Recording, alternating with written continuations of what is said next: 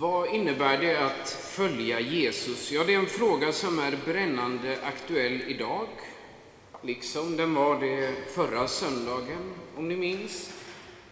Ja, inte bara förra söndagen, inte bara varje söndag, utan varje dag i livet. Och den blir inte mindre aktuell när vi på dagens läsning med dess varningar om att inte komma in i himmelriket, att inte undgå helvetets eld eller inte slippa ur fängelset förrän priset är betalt till sista öret, svarar Lovad vare du, Herre. Lovad vare du, Kristus. Borde inte vår reaktion rimligtvis vara någon annan? Borde vi inte tiga i ren förskräckelse eller i förnekelse, hålla för öronen och ropa bingo? Om någon kommer ihåg den reklamen som gick för säkert 25 år sedan eller något sånt där. Borde vi inte låtsas som att det regnar? Men Jesus kom inte för att hota oss. Han kom för att befria oss, rädda oss, frälsa oss, som det hette förr.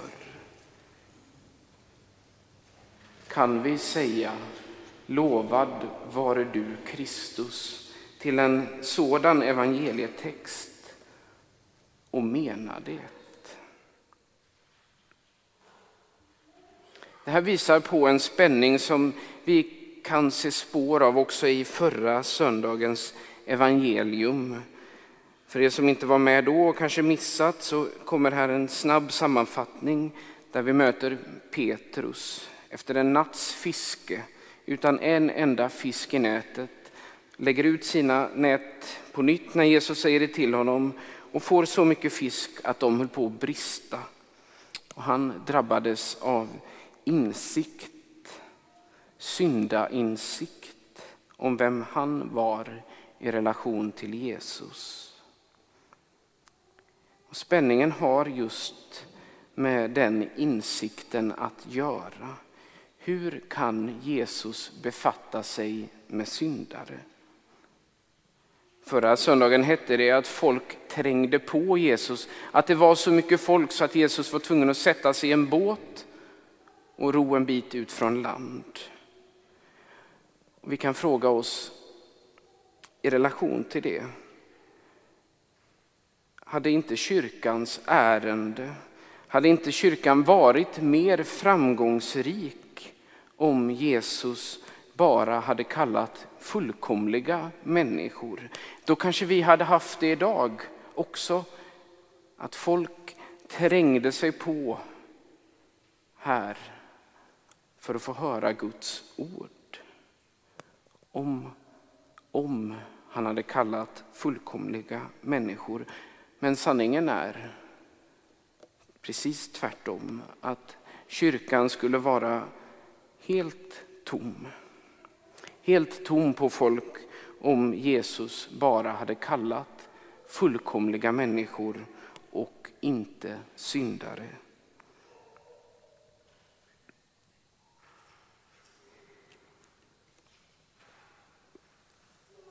Att han kommer och kallar syndare. Att han umgås, äter med syndare är vår räddning. Och i det då som då utgör dagens evangelium och som är en del av Jesu bergspredikan, Jesu egen undervisning i hurdant liv han vill att den som följer honom ska leva, får vi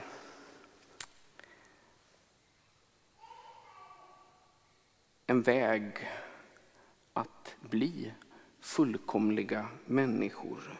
Vi är det alltså inte från början, men vi strävar åt det hållet. Och det livet som Jesus vill att vi ska leva, det är inget annat än ett liv som, ja, men som var hans eget, som var hans eget ärende. Ett, som det heter, glädjebud till de fattiga, befrielse för de fångna, syn för de blinda, att ge det förtryckta frihet. Och här finns både ett hinder och ett botemedel. Hindret först. Hindret som vi ofta upplever är att vi klyver verkligheten i en materiell och en andlig sådan. Eller, för att uttrycka det annorlunda, menar Jesus det han säger idag bokstavligt? Eller menar han, talar han i överförd bemärkelse? Botemedlet mot att vilja klyva världen i två delar är att ta hela verkligheten på allvar. En verklighet som Jesus visar är större än vad vår sekulära värld tror. Därför behöver vi med Peter Halldorfs ord sluta betrakta bergspredikan som en romantisk villfarelse. Vad betyder detta då mer konkret? Ja, dagens avsnitt och fortsättningen på bergspredikan, särskilt här det femte kapitlet, har ofta förklarats som att Jesus skärper lagen från att omfatta en yttre handling till att rikta, till, en, till att rikta blicken till den inre hållningen. Vi kan nog uppleva att snaran dras åt lite. Det där att undgå att ha ihjäl vår broder, tror jag att de flesta av oss klarar. Men att inte ens fördöma, inte ens tänka en ond tanke, vem klarar det? Men Jesu kritik handlar kanske inte snarare om att flytta fokus från yttre handlingar till inre hållningar utan om att sluta gömma sig.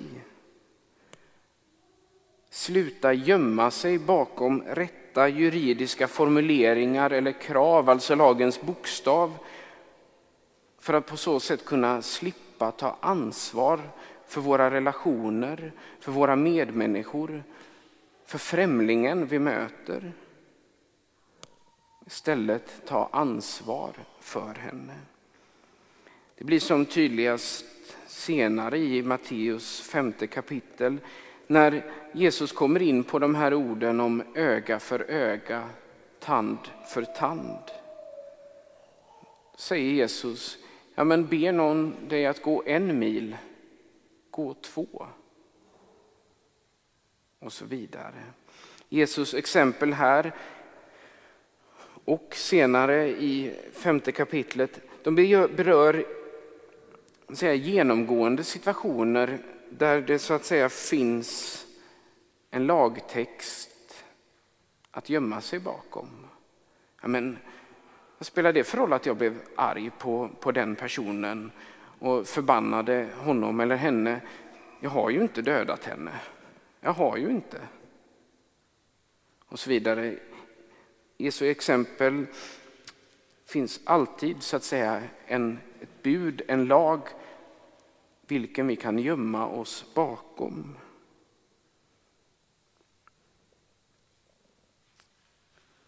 Men Jesus vill kalla fram oss från våra gömställen. Det här är provocerande, både för oss och för världen. Det är för att vi många gånger har svårt att se skillnaden på rätt och fel, på gott och ont, sant och falskt. För att vi har del i världens bortvändhet från Gud. Vi är inte kapabla att göra det på egen hand. Därför behöver vi Jesus. Därför behöver vi kyrkan som en gemenskap för att dela det liv som Jesus pekar på. Med sin person, med sin undervisning, med sina exempel. Och med Jesus är det så att han aldrig kallar en människa in i något eller på någon väg där han inte själv har gått före. Vi går och vi lever inte ensamma. Utan det kristna livet är alltid ett liv tillsammans med honom.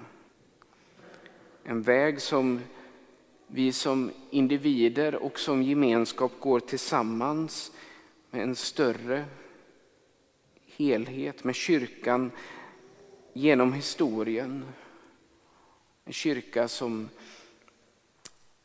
alltid har velat lära av dem som gått före.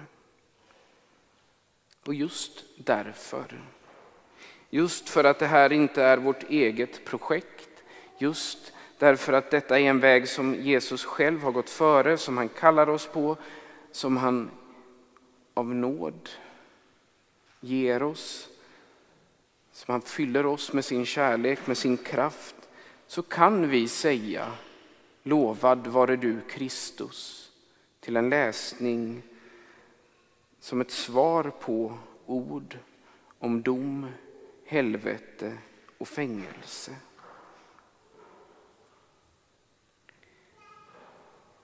Jesus säger inte de här orden om att vår rättfärdighet måste överträffa fariseernas och de skriftlärdas för att han tror för högt om oss. Han säger det inte för att han inte känner oss eller vet vad vi är kapabla till eller att han tänker fel om vad vi går för. Han säger dessa ord just för att han känner oss. Just för att han kallar oss att följa hans väg. För att det är han för att det är han som är speciell och inte vi. För att det är han som har gjort det och vi kan göra det med honom.